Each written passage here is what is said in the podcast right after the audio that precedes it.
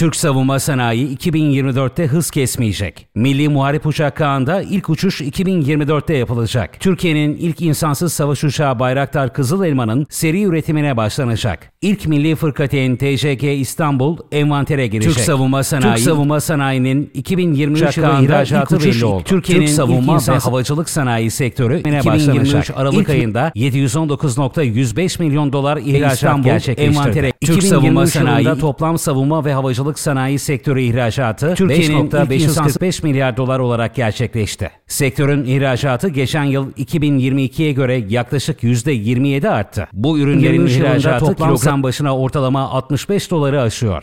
Türkiye 185'ten fazla ülkeye savunma sanayi ürünü ihracatı gerçekleştirdi. göre yaklaşık Türk savunma sanayinin 2023 yılı savunma ihracatı rekortmenleri. Kilogram başına Türk ortalama sanayinin 185'ten 2023 yılı ihracatı rekortmenleri belli oldu. İhracatı Baykar 1.766 milyar dolarla ilk sırada yer aldı. İkinci sırada 864 milyon dolarla TUSAŞ, üçüncü sırada 439 milyon dolarla MKE, dördüncü sırada 337 milyon dolarla Tİ ve 255 milyon milyon dolarla BMC 5. sırada yerlerini aldı. 64 milyon dolarların ihracat başarısı vergi Dördüncü şampiyonluğu getirdi. Baykar Yönetim Kurulu Başkanı ve teknoloji lideri Selçuk Bayraktar 2021 ve 2022 yıllarında Türkiye'nin en çok vergi ödeyen ismi oldu. 33 ülkeyle SİHA ve TİHA satış sözleşmesi imzalayan Baykar kazancının %86'sını ihracat gelirlerinden elde ediyor. Şirket Türkiye'nin savunma ve havacılık ihracatının %32'sini tek başına gerçekleştirdi. Vergi ödeyen ismi oldu. Türk 30 savunma sanayinde tarihi kararlar. Bu hafta düzenlenen Savunma Sanayi İcra Komitesi toplantısında bir dizi tarihi karar alındı. Bu kararlardan bazıları şöyle. Türkiye'nin ilk uçak gemisinin tasarım aşamasına başlanılacak. Milgem 9, 10, 11, 12. gemilerinin İ sınıfı fırkateynler ve bir dizi yeni geminin bir dizi inşasına başlanacak. Envanterdeki İHA SİHA'lara yenileri eklenecek. Bu ürünlere yeni kabiliyetler kazandırılacak. Kaan'ın gelecek dönem faaliyetleri 12. sınıf sınıfı Gökbey, havadan erken ihbar ve kontrol uçaklarının lojistik gereksinimleri görüşüldü ve gerekli kararlar verildi. Yeni füzeler, radarlar ve mühimmatlar da dahil olmak üzere geniş bir yelpazede gelecek dönem faaliyeti için havadan erken ihbar TSK'ya yeni teslimatlar. Kara Kuvvetleri Komutanlığı'na çeşitli miktarlarda mini akıllı mühimmat, elektronik taarruz sistemi Milkar ve Hisar O füzesinin muayene ve kabul faaliyetleri tamamlandı.